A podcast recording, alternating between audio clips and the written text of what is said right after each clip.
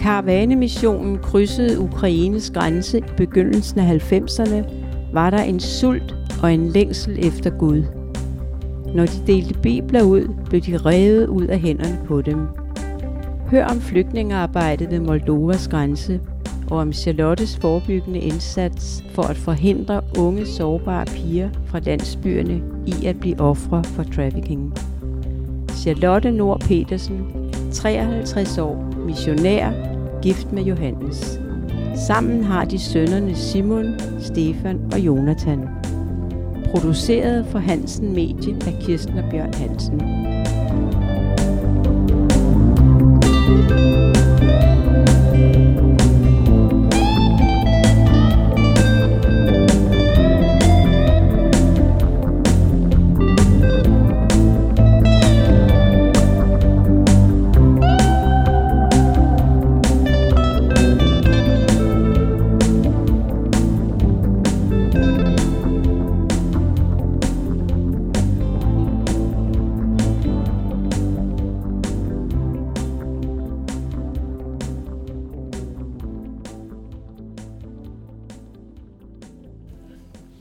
Velkommen, Charlotte, at du vil være med i den her podcast. Ja, tusind tak. Det har jeg glædet mig til. I har været meget involveret i arbejdet med flygtninge fra Ukraine og ved grænsen til Moldavien. Hvad har gjort indtryk på dig? Altså, det har jo været nu cirka over 60 dage, hvor at øh, vi vågnede op den 24 februar, og faktisk fordi vi bor i Moldova, har boet der i 25 år, øh, vågnede faktisk op til, at vi kunne høre, at det rumlede ude i baggrunden. Og vi havde jo ligesom alle andre i verden øh, ventet på, hvad der ville ske, øh, håbet på, at der ikke ville ske noget, men vi vidste jo med det samme, at, at det angreb var gået i gang.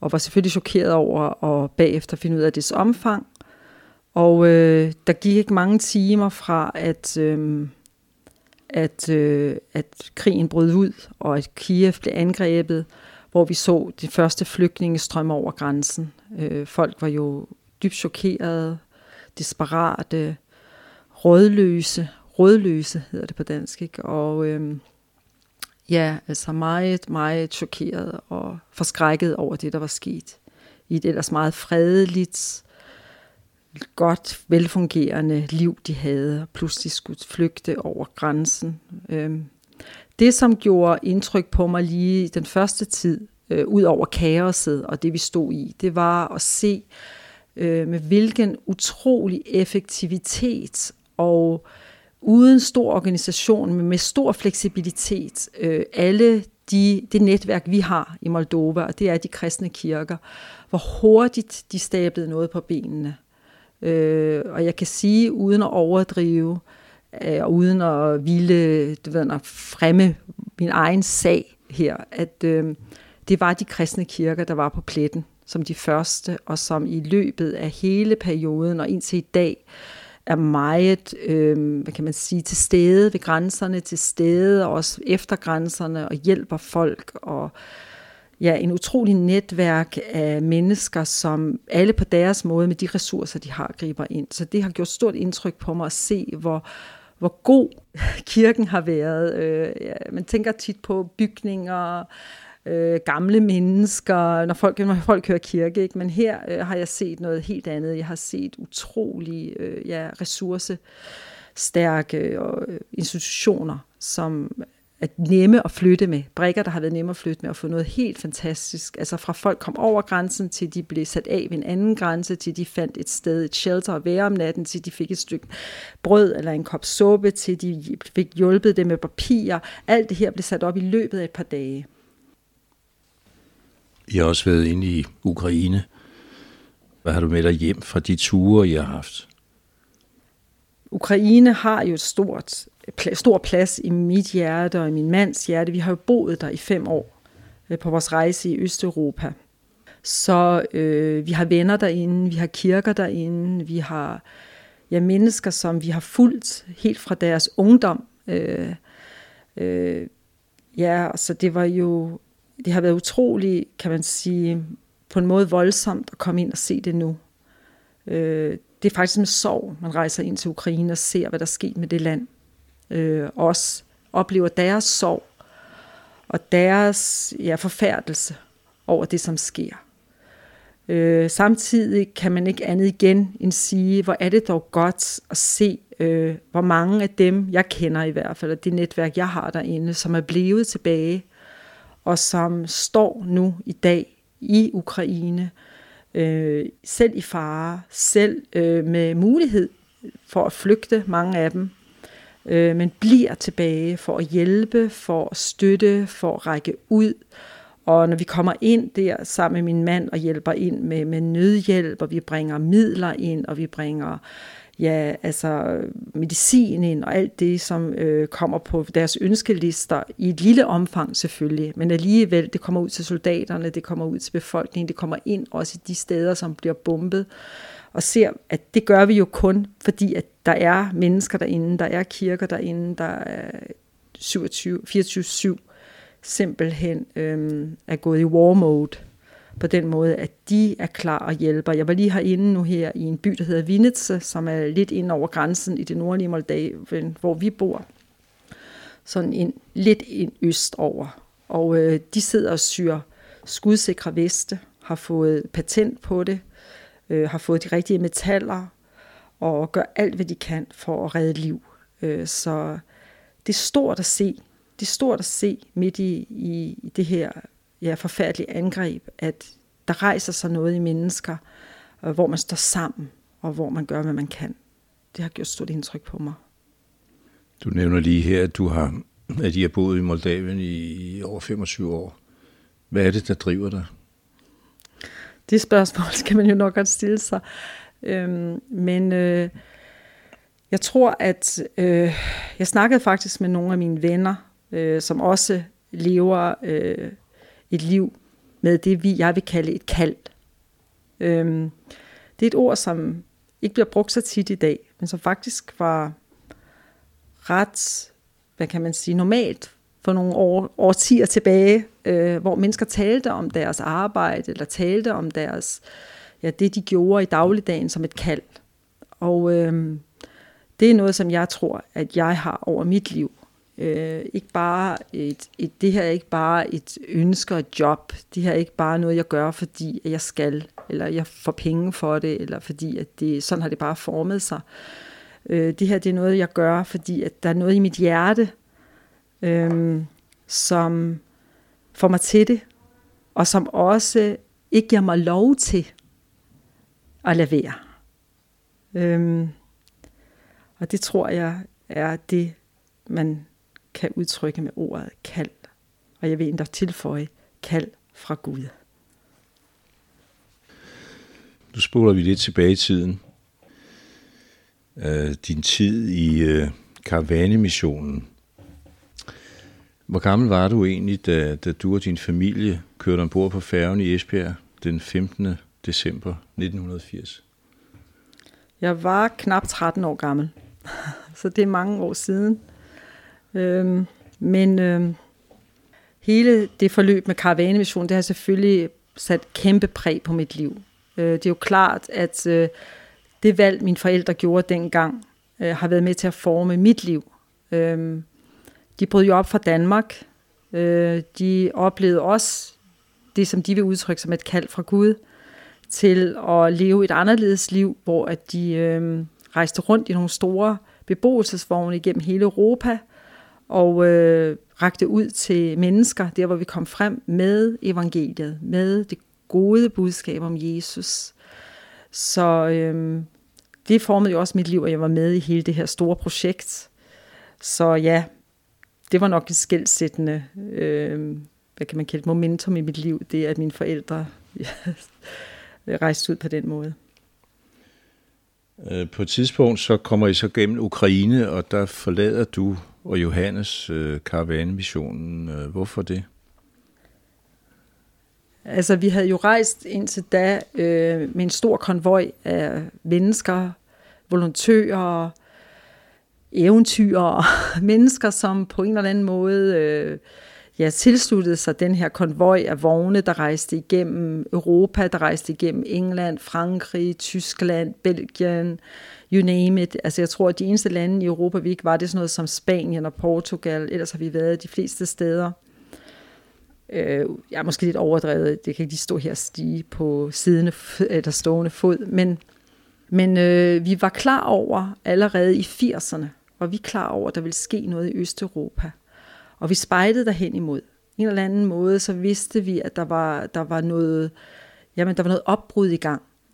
Og øh, Østeuropa kom til at betyde rigtig meget for os. Øh, Berlinmurens fald.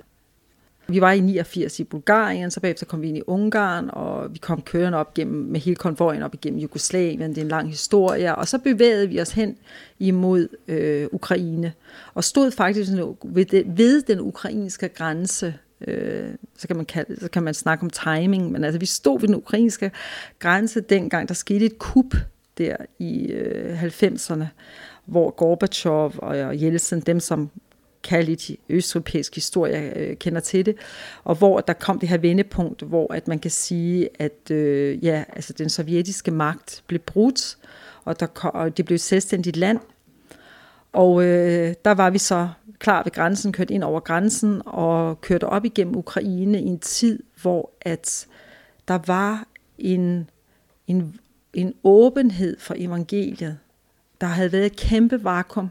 Mennesker havde bygget noget, de troede var rigtigt, noget reelt. De var alle sammen stensikre på, at de var ved at bygge det her kommunisme, denne her, denne her øh, ja, fantastiske hvad kan man sige, ideologi om, at det hele skulle være fair og godt, og da det hele brød sammen, så var de utrolig skuffede. Men samtidig så var der også en, en, en, en åndelig søgen, en søgen efter noget mere. Jeg er utrolig, utrolig taknemmelig for, at jeg oplevede det her. Oplevede det at se mennesker være søgende efter noget åndeligt, søgende efter noget mere i livet end bare det materielle.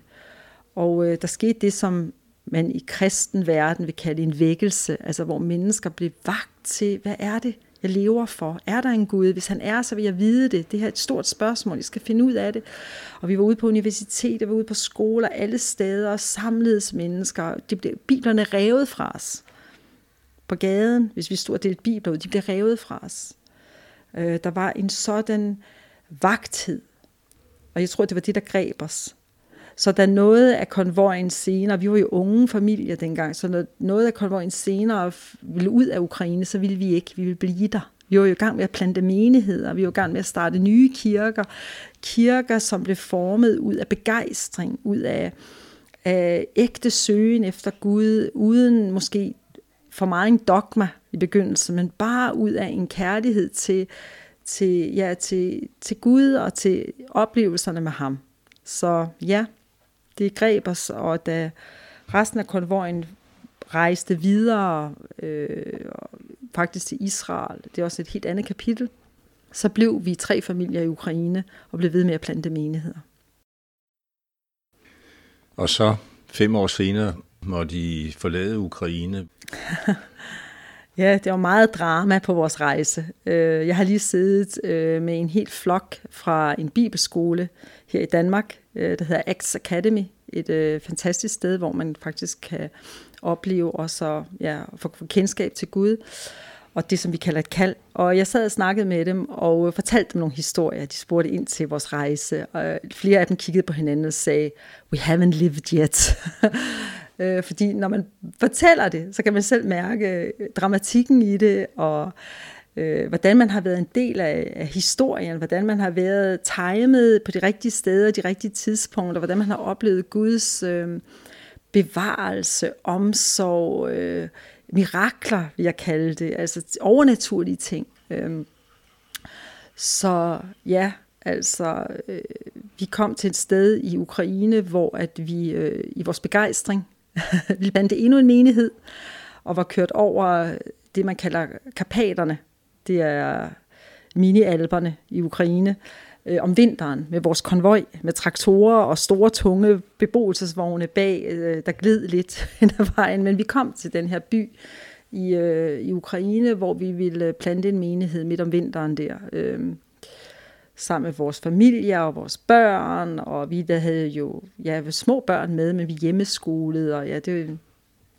øh, så vi kom ind i den her by, og så skete der det, at øh, for det første skete der det, at sneen faldt, og den lå omkring os i flere meters højde, kan jeg huske, så altså ikke flere meters, men halvanden meters højde. Altså det var virkelig sådan, så der lå snedriver, og man kunne, ikke, man kunne faktisk næsten ikke køre, man kunne ikke bevæge sig. Øh, Øh, en meget hård vinter startede. Samtidig så øh, begyndte vi at samle mennesker, som vi plejede at gøre, helt enkelt. Øh, hvem har lyst til at høre om Gud? Hvem har lyst til at høre om Jesus? Og folk stemlede sammen.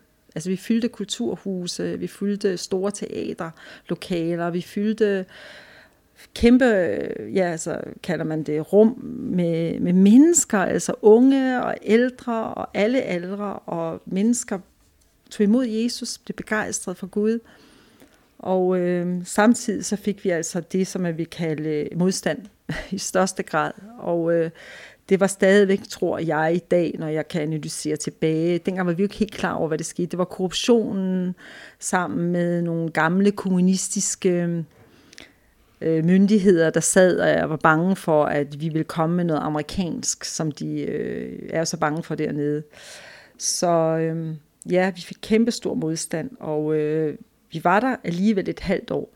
Vi kæmpede for ikke at blive smidt ud af Ukraine. De prøvede alt, hvad de gør for at annullere vores visa. Øh, for det første var det enormt svært for dem at få os fysisk fjernet på grund af sneen, der lå omkring os. Men efter seks måneder, så fik vi pludselig et øh, opgør fra Kiev, at de havde annulleret vores visa, og havde deklareret os, tre familier, der var på det tidspunkt, øh, personer non grata. Det kom i vores pas. Desværre har jeg ikke det pas mere, men altså... øhm, skulle have gemt det som et memory. Personer non grata i to år. Vi måtte ud af Ukraine, men øh, vi havde jo den her naive eller begejstring om, at vi skulle bare lige ud, og så skulle vi lige ind til Kiev og forklare, at det her det var en kæmpe misforståelse. Øh, vi var ikke politisk agiter, øh, hvad hedder det, agiter, altså mennesker propaganda, men vi var bare helt enkle kristne, men, øh, men det lykkedes ikke. Øh, så på den måde kom vi ind i Moldova og ud af Ukraine, og min mand har jo lige været her sidste år, lige efter de sidste covid-restriktioner faldt. Der var han inde i Ukraine, og der holdt vi 25 års jubilæum for den kirke, der blev plantet dengang. En stor menighed, altså kæmpe arbejde, de gør. Øh, så det er også et vidnesbyrd, eller en fortælling om, at øh, Gud kan, øh, også når det ser lidt spinkelt, og vi forlod den her, de her mennesker efter et halvt år, og der var ikke så meget struktur og organisation, og der var i hvert fald ikke ret mange penge bag alt det, vi gjorde. Men altså, det lykkedes for dem. Stort kulturhus har de købt. Jeg var inde og se det, øh, også da jeg rejste ind her for nogle år siden igen. Altså, vi har været derinde flere gange jo. Og de viste mig 10 klasselokaler, hvor de samler børn. 10 klasselokaler. De samler dem hver søndag. Det vil sige, at det her er et sted, hvor børn lærer en masse om livet. Jeg havde egentlig regnet med at komme hurtigt tilbage til Ukraine, men alligevel så, så ender det med, at I grundlægger eller planter en kirke i Falesti. Hvorfor blev det lige Falesti? Faktisk, den første menighed, vi plantede, var ikke i Falest. Det var oppe i noget, der hedder lige over grænsen Bricani. Da vi kom ind i Moldova, så oplevede vi et land, som også var i opbrud, ligesom det resten af, af dengang. Det former, hvad hedder det, får han værende, før han værende Sovjetunionen. Men øh, vi oplevede også en anden form for nød. Øh, vi oplevede en fattigdom. Øh, vi oplevede faktisk sult. altså noget, som folk var jo på det tidspunkt i det meste af Østeuropa jo øh, virkelig præget af, at, at hele samfundet var brudt sammen, og at øh, al infrastruktur var brudt sammen, og arbejdspladser var forsvundet, så der var jo meget, folk var blevet virkelig, hvad kan man sige, ribbet fra alle deres øh, opsparinger, og man kunne godt mærke, at folk var præget af, af hvad kan man sige, det er en vis Opgivenhed. Ja, fattig, fattigdom, men ikke direkte sult. Altså, i Ukraine oplevede vi alligevel, at folk var gode til at klare sig. Der var en ressourcer, der var en styrke i befolkningen, der var en, jamen der var bare en bagage i dem, der gjorde, at de, de, de, de, de havde det her fighter, de kunne godt få det til at fungere. Med en vis værdighed, hvor man mærkede, at i Moldova, et lille land, øh, som måske er overset af mange og ikke rigtig kendt heller, øh, at det her lille land virkelig var hårdt ramt og var blevet var blevet, hvad kan man sige, vraget som et slags, hvad kalder man det, sådan et vraggods, altså af Sovjetunionen, der flød sin egen sø nu. Og folk var jo i dyb nød. Øh, så da vi kom ind i Moldova, vil jeg sige, at vores arbejde også forandrede sig lidt. Det blev ikke øh, kun, øhm, hvad kan man kalde det, kirkearbejde, øh, forkyndelse af Guds ord, øh, bibler, øh, øh, bibeltimer. Det blev også meget med at bare række ud til mennesker. Øh, det var der, vi begyndte at få store nødhjælps... Øh, kan med konvojer eller sendinger ned, og vi begyndte også at gøre et større socialt arbejde. Øh, så da vi kom ind der i Faljeste, det kan man godt kalde lidt en tilfælde. Vi havde jo egentlig søgt at komme lidt længere ind i landet. Vi var oppe i Blichani, det nordlige, så prøvede vi at komme lidt længere ind, efter vi havde plantet menighed derop, hvor der var en masse unge mennesker, også der, der startede op, og vi følte, at de skulle bare have lov til at køre det. Det skulle vi ikke blande os for meget i. Så kørte vi videre ned og prøvede at finde det her sted, og fandt den her by Faleste. Øhm, i begyndelsen så fik vi jo at vide, at øh, vi ville ikke få det her sted, de ville ikke have os ind. Det er også en lidt mærkelig konvoj, der kommer ind i, i en lille by. Ikke? Jeg kan godt forstå, at folk er lidt mistænkelige. Men øh, vi fik først at vide afslag, men min mand han fortæller faktisk den her historie, at han kørte for at finde et sted til os. Vi skulle videre, det kunne vi mærke.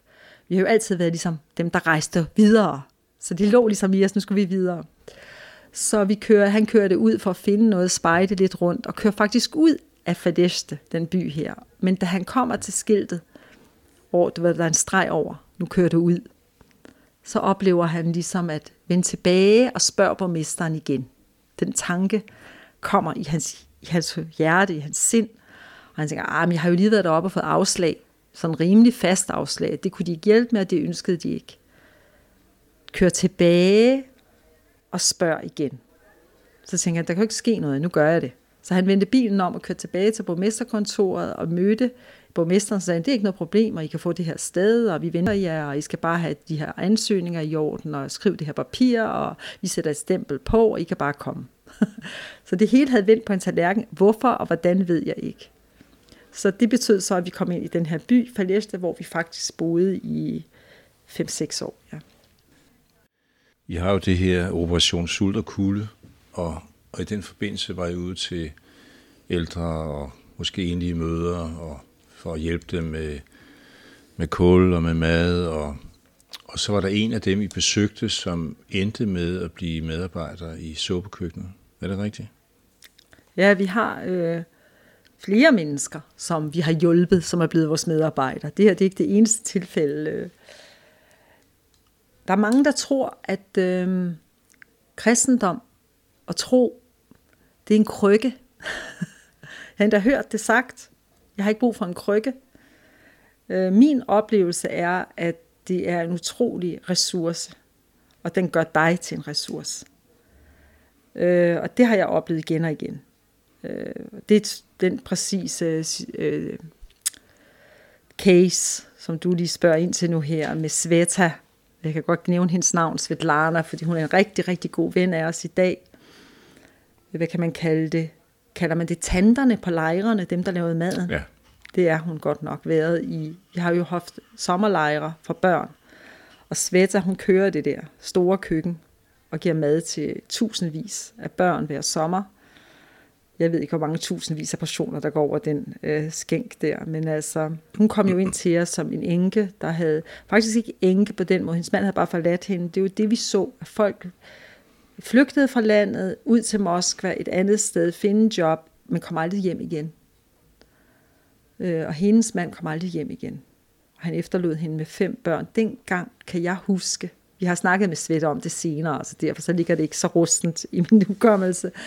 Men øhm, hun øh, fortalte mig dengang, jeg tror hun tjente det equivalent, altså det, hvis man skulle vende det til danske kroner, ville det være noget med, om måneden tjente hun 50'er.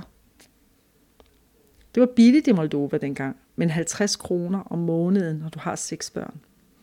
Det var det, nogle af dem, der sultede, der virkelig ikke havde nok mad. Og øh, jeg kan huske på det tidspunkt, da vi kom ind i Faleste der, vi, vi oplevede det her, vi begyndte at give folk hjælp og give, vi fandt ud af, at folk havde brug for mere end bare, at vi gav dem noget. De har også brug for fællesskabet, de har også brug for at vide, at vi var der, og vi, vi stod sammen i det her. Så vi øh, var op til borgmesteren, det var en ny borgmester, der var på det tidspunkt, en meget ærke, igen meget ærke sovjetisk menneske, som egentlig havde erklæret før, at jeg vil sørge for, at I kommer væk fra det her sted. Det havde han ligesom sagt. Han, lige efter han blev valgt ind, så var han kommet ned, besøgt os. Jeg kan huske, han kom ind til mig og spurgte, hvad er det for noget propaganda, I kører her? Og så sagde han, vi kører ikke noget propaganda. Øh, vi taler bare det, vi tror på. Vi taler bare ud af vores egen overbevisning. Nej, nej, jeg ved godt, hvad I gør. Og jeg skal nok sørge for, at I bliver fjernet fra den her by. Så tænkte vi, nå, hvad venter der os nu? Men i samme samme tidspunkt, der havde vi ligesom forbindelse med nogle andre, og vi havde ligesom snakket om, at det bedste, vi kunne gøre for de her mennesker, der omringede os, det var, og som konstant var i behov bare for essentielle ting som mad, det var at starte et suppekøkken det var noget nyt for os dengang. Der. Det var sådan noget, jeg troede, det gør man i Afrika og i Indien og på Sri Lanka.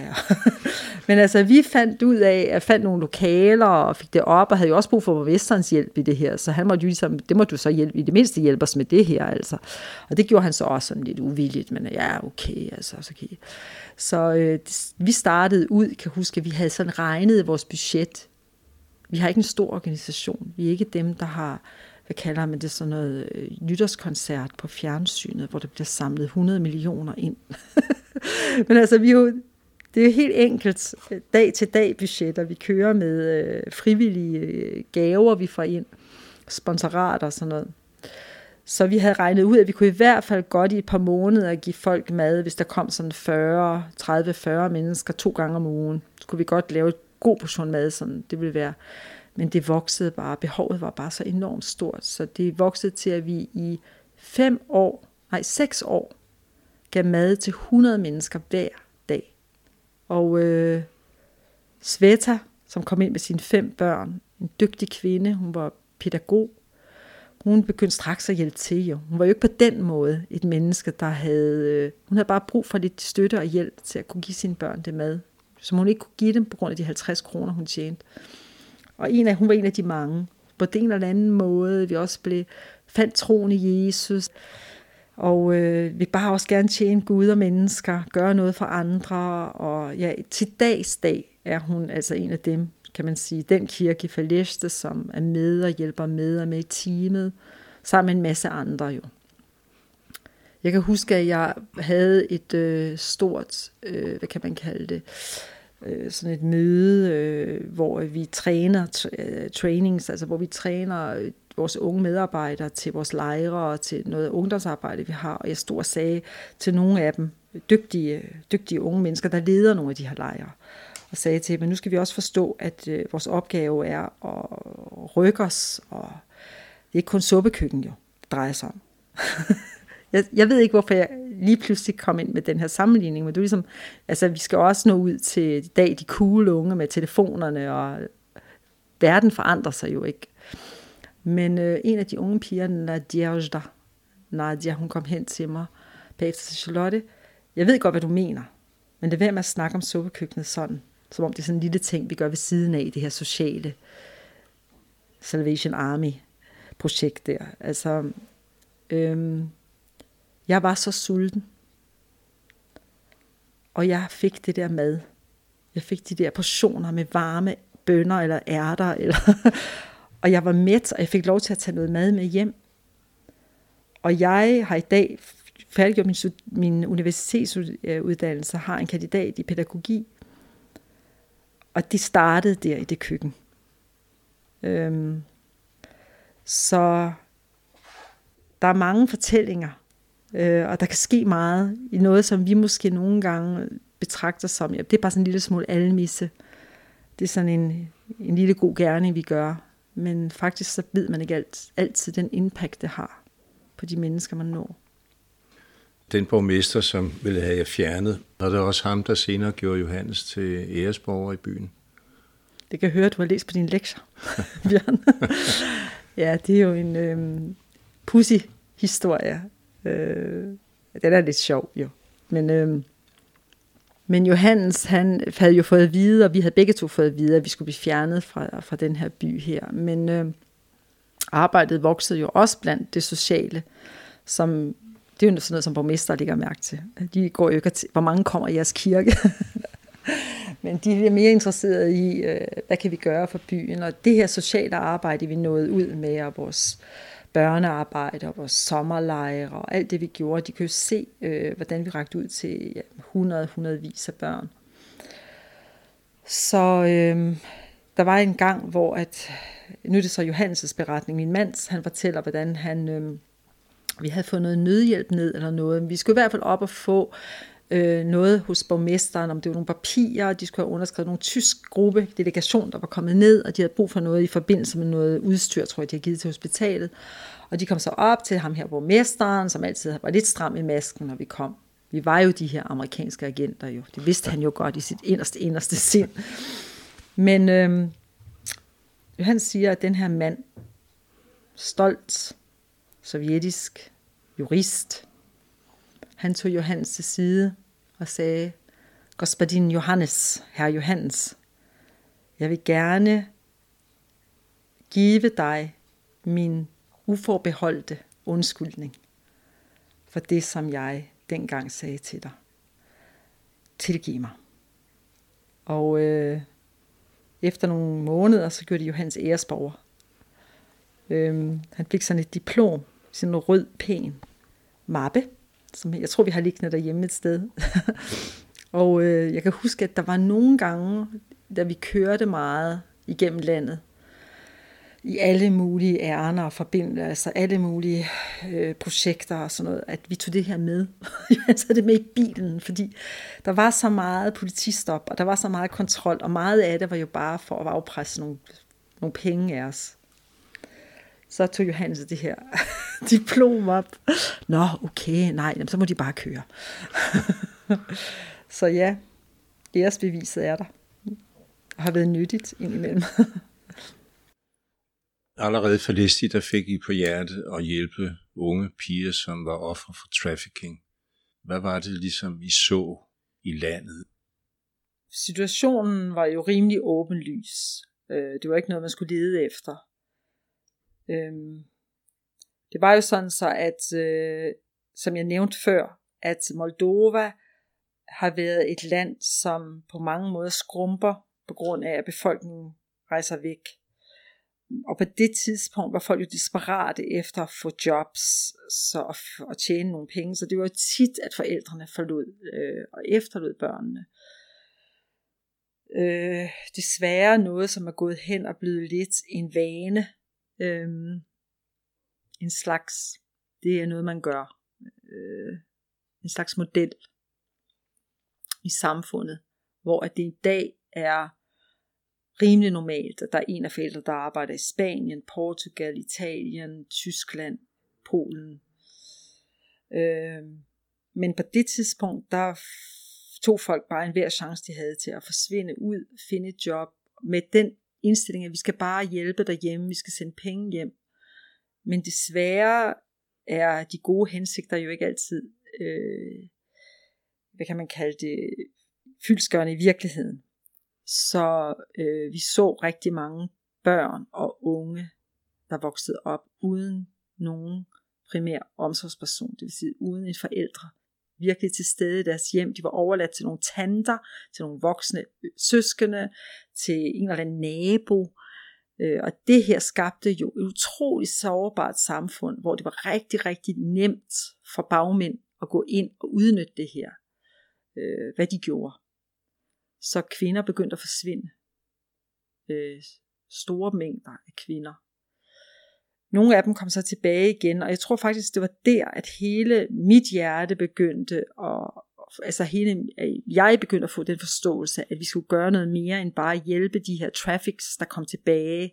Øh, gå ud på skolerne gik vi, vi var ude alle steder, øh, at lave forebyggende arbejde på den måde, at vi fortalte om det, vi prøvede at træne de unge til at tænke i faresituationer, vi prøvede at, at vise dem farerne, du ved, når forskellige interaktive, øh, hvad kan man kalde det, øh, ja, sådan øh, handling, altså hvad hedder det, ting vi gjorde med dem, for ligesom at få dem til at forstå faren, men jeg kunne bare se, at der skal mere til.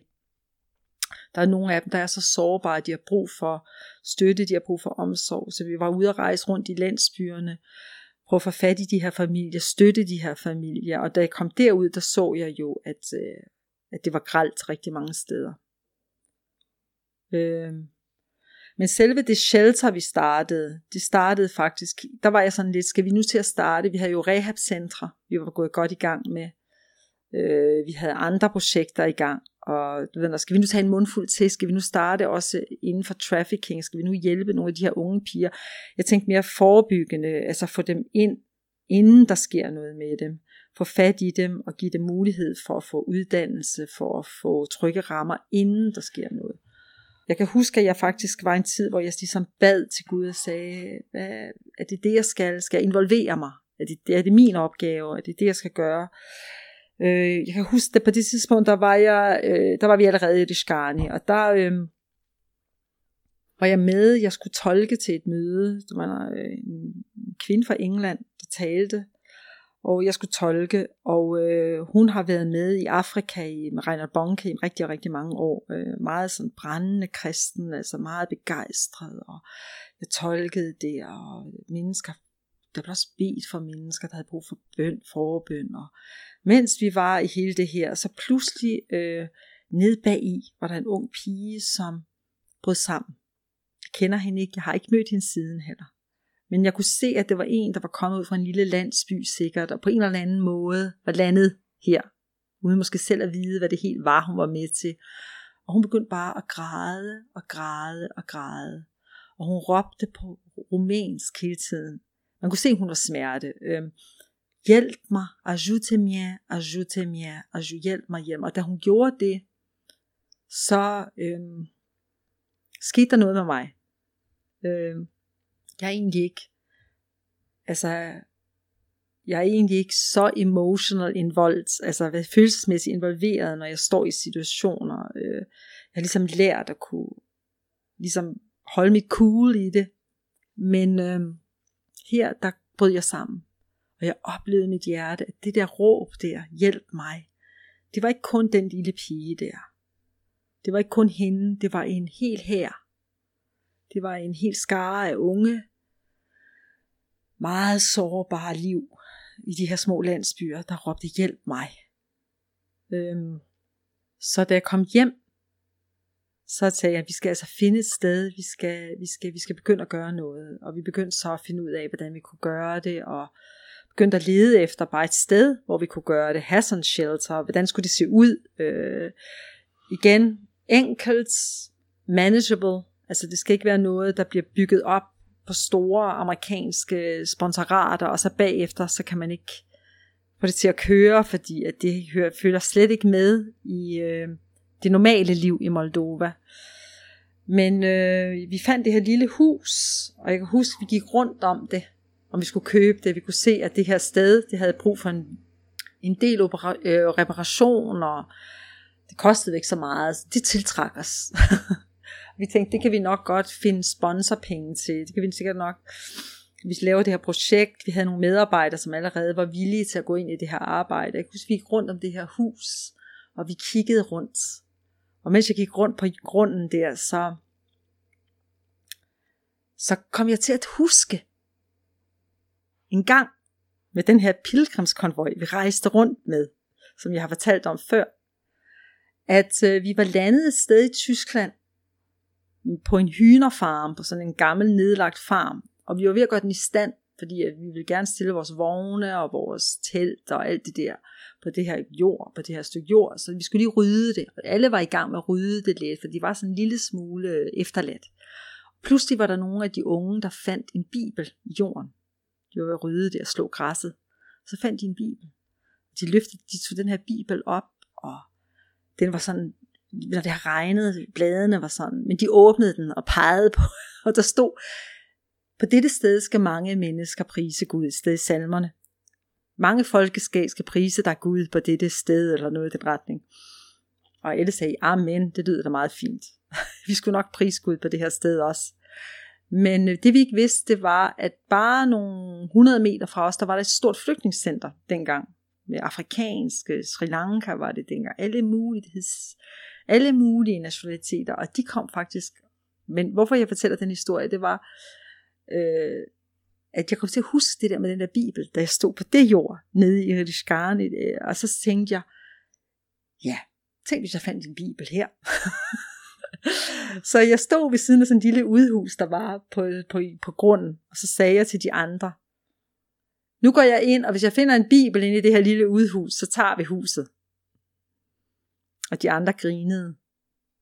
Så åbnede jeg døren og gik ind i det her lille udhus, hvor der lå nogle glas og lidt gamle gummistøvler. Hvad ligger der et udhus? Ja. Lidt gammelt af hver, ikke? Og jeg løftede sådan en lille tæppe, der var der. Og under tæppet lå der en Gideon-bibel. som jeg tog ud, og de kiggede på mig og sagde, hvor har du gemt den hen? Havde du den under trøjen, eller hvad? Og vi, og vi gjorde det samme igen. Vi, vi åbnede den, og der var et sted der, hvor der stod øh, et sted i Korintherbrevet, hvor der blev citeret et sted fra det gamle testamente, og Paulus siger, jorden er hans, og han vil fylde den. Og vi tog det som, jamen Gud vil fylde det her sted, det er hans stykke jord. Og øh, det er noget, jeg holdt fast i. Vi startede det her center, vi fik det her hjem op og køre, vi fik repareret det her hus, et smukt hus i dag, med dejlige, øh, kalder man lokaler og ja, sådan noget. jeg så et billede af det på Facebook, tror ja. jeg, med blomster foran og ja havegære. Ja, ja, ja. Så det var det første shelter, vi byggede. Øh, og der øh, har der kommet rigtig mange unge piger igennem. Øh, en opgave, der ikke altid har været nem. Der har været udfordringer i det. Men øh, jeg holder fast i, at Gud vil fylde det. Han ved det. Han ved, hvem det er, der kommer til os. Han kender de her liv på forhånd. Han ved, hvad det er, de slås med. Bedre end jeg gør. Og øh, med hans hjælp, så kan vi hjælpe dem alle sammen, så godt vi kan på vej. Men lige tilbage til trafficking. Der er noget, der hedder Girls Academy. Ja, Girls Academy, det er selve projektet, som er også lidt ud over dem, der bare bor i vores shelter, eller bor i hjemmet. Øh, men det er klart, at vi har det her hjem nu øh, med cirka plads til 12, som bor konstant, som er en kristen forening. Øh, det vil sige, det er øh, et, øh, et øh, college, hvad kalder man det, et boarding, øh, altså sådan et sted, hvor man bor øh, og ja. sover. Øh, kost, kost, øh, Kostskole. Ja, kost øh, college, hvor de er, men uden at vi klar, vi sørger jo ikke for undervisningen. Den akademiske del af det, og den undervisningsdel, den, den klarer skolerne. De går på skoler, de går på college, de går på universitetet. De går der, hvor, vi kan, vi kan, hvor de kan få en uddannelse. Men øh, ud over det, så har vi det, vi kalder Girls Academy, som er en, en, et program, øh, som de og også andre unge piger, som måske ikke har brug for at bo hos os øh, 24-7, kan komme og være en del af, øh, hvor man bliver trænet i det, vi kalder life skills.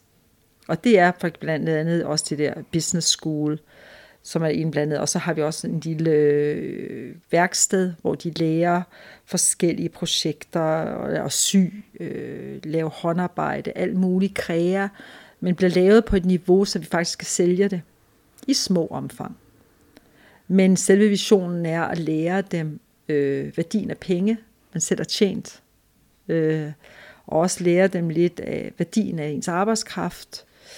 Og øh, jeg giver dem lidt, hvad kan man kalde det, blod på tanden til at måske gøre noget selv, noget entreprenør arbejde selv. Så ja, det er et program, som, som omringer, omhandler også noget, der er også noget terapi blandet ind i det, øh, hvor vi har noget, der hedder art therapy, som er et program, der også kører. Øh, det er sådan et, et selve business school er to års program, men det andet, det kører vi ind for et år, øh, hvor pigerne kommer igennem forskellige øh, kurser, øh, og så får et lille diplom for, at nu har de fuldført det. øh, så for at motivere dem til at udvikle sig, og mange af dem kommer jo fra meget, meget brudte hjem, så man skal begynde fra bunden af, med mange helt elementære ting. Derfor så, så har vi det, vi kalder Girls Academy. Dengang I begyndte at tænke på at grundlægge eller plante en kirke i Ukraine, hvordan, hvilke tanker gjorde jeg om økonomi? Vi har jo ikke øh, nogensinde, kan jeg godt sige med hånden på hjertet, planlagt, at nu vil vi gå ud og gøre det, og det er på den måde. Nu skal vi ud og plante en kirke. Faktisk Ukraine, det var det første, der vi begyndte sådan direkte at plante menigheder. Fordi før det, der havde vi bare været inde omkring øh, det at hjælpe og støtte op om eksisterende kirker. Vi kom ind i en by, der var en eksisterende kirke. Hvad arbejde gør I? Jamen, vi gør noget gadearbejde. Jamen, det hjalp vi så med til. Nå, vi gør noget arbejde med børn. Jamen, det hjalp vi så med til. Jamen, vi gør noget, vi er ude på noget alderdomshjem, eller hvad det var. Altså, vi er involveret som regel i det arbejde, som var i det. Men da vi kom i Ukraine, så mærkede vi jo, at der var det her vakuum, som jeg fortalte om før, og vi startede menigheder. Med hensyn til økonomi, så kan jeg sige, at det er en af de ting, som jeg har taget med fra det, du spurgte med hensyn til karavanemission, og vi har været ude at rejse øh, med mine forældre der. Det var jo, at vi var jo sådan lidt fanatiske, vil jeg godt sige det. At vi måtte ikke spørge om penge, og vi måtte ikke, øh, vi måtte overhovedet ikke altså, lave noget fundraising. det var sådan noget. Så det skulle Gud sørge for. Hvis han var i det, så ville det jo holde. Hvis han ikke var i det, jamen så måtte det synke. Og det var sådan lidt den test, vi kørte med i de første rigtig, rigtig mange år. Jeg kan huske, at vi havde jo den her lille mobile kirke, jeg tror, jeg har nævnt den i min podcast her. Og der havde vi en æske, hvor der stod, for the work of the Lord. Det var sådan en lille, lille træske, men så var der nogen, der mente, den skulle vi også fjerne. Det var også for meget, den stod der. For Gud skulle sørge for det. Og jeg kan godt sige, at vi har jo oplevet, at Gud har sørget for det. Og vi har stadigvæk det lidt liggende i os, ikke at bede om penge på den måde. Men i dag er vi ikke så fanatiske omkring det. Så vi, i hvert fald mig og min mand, øh, i vores arbejde, vores kald, ikke, så har vi det sådan, at øh, vi sørger for, vi må godt spørge, hvis det er til andre projekter, altså Girls Academy, unge piger, der bliver trafficked, øh, rehabcenter for at nå ud til mennesker, flygtninge. Altså, vi har jo samlet, jeg tror, vi samlede en million ind til flygtningehjælpen, og derfor vi kunne række så utrolig effektivt ud nu her til Ukraine, og bruger stadigvæk midlerne i dag. Der kom jo overvældende med gaver ind til det, og det var også noget, vi, vi aktivt gik ind og bad om, for vi kunne godt se, at den her opgave, den skal vi løfte, og den skal vi løfte hurtigt, og vi bliver nødt til at bruge øh, momentummet, at folk er villige til at give. Så ja, økonomi, det er ikke på den måde, at vi ikke spørger. Men alligevel, vi har stadigvæk det element inde i det, at vi ikke skal tække.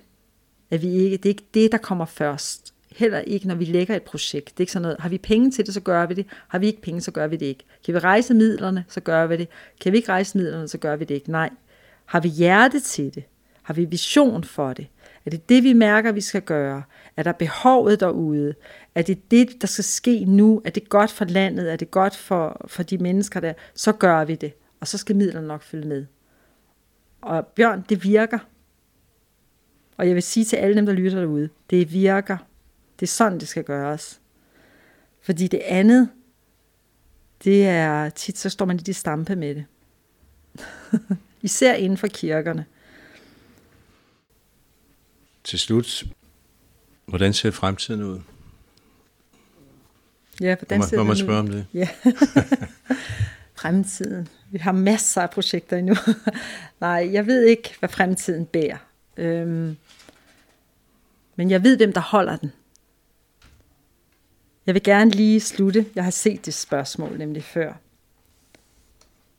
Øhm, med hensyn til alle flygtningene, så har jeg oplevet det, at øhm, jeg blev rigtig gode venner med nogle af dem. Og det har rørt mig rigtig meget at se mennesker flygte fra alting. Høre deres historier. Og mærke, øhm, hvordan det er at stå på bar grund, grund, efter at man pludselig findes i en helt anden situation, og hvor man spørger sig selv, hvad hvad venter nu? Hvad skal fremtiden bære? Øhm, og der var en kvinde, som jeg har lært at kende, også fra Herson, som er flygtet med sin mand og sin familie, har været med i en kæmpe kirke, kæmpe arbejde. Hun er meget, meget dygtig musiker, synger fantastisk, og har måttet flygte fra det hele, og sidder nu hjemme hos mig, og vi er ved at få dem til England.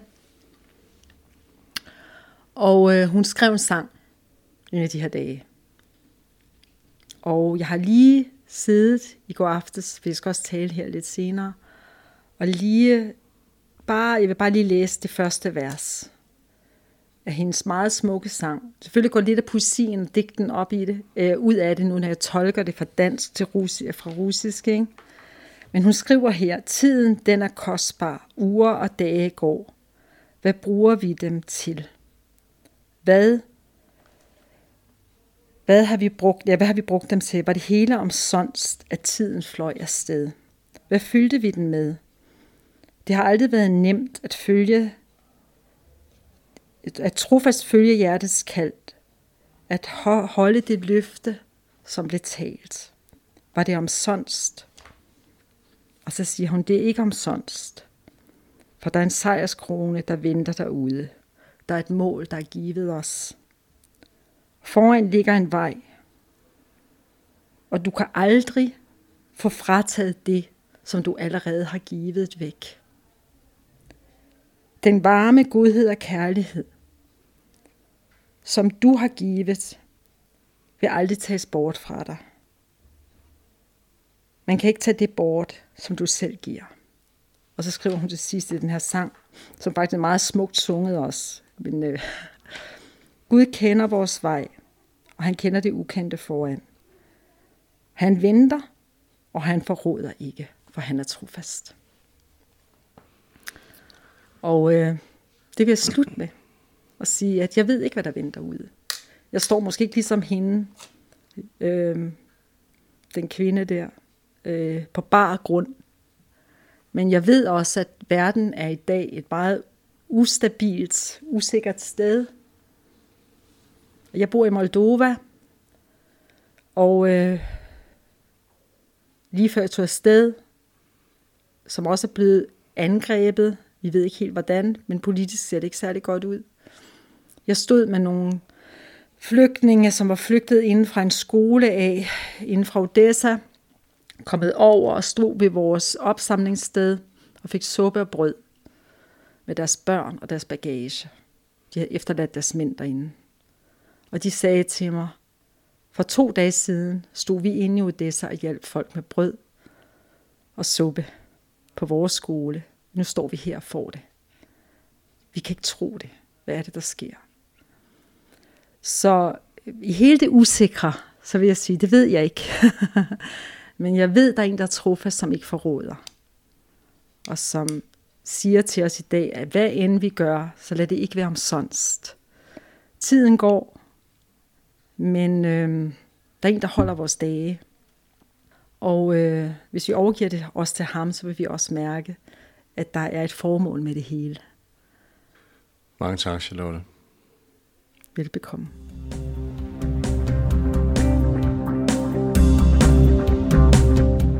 Tak, hvis du vil gøre en forskel og dele denne podcast på Facebook eller andre sociale medier.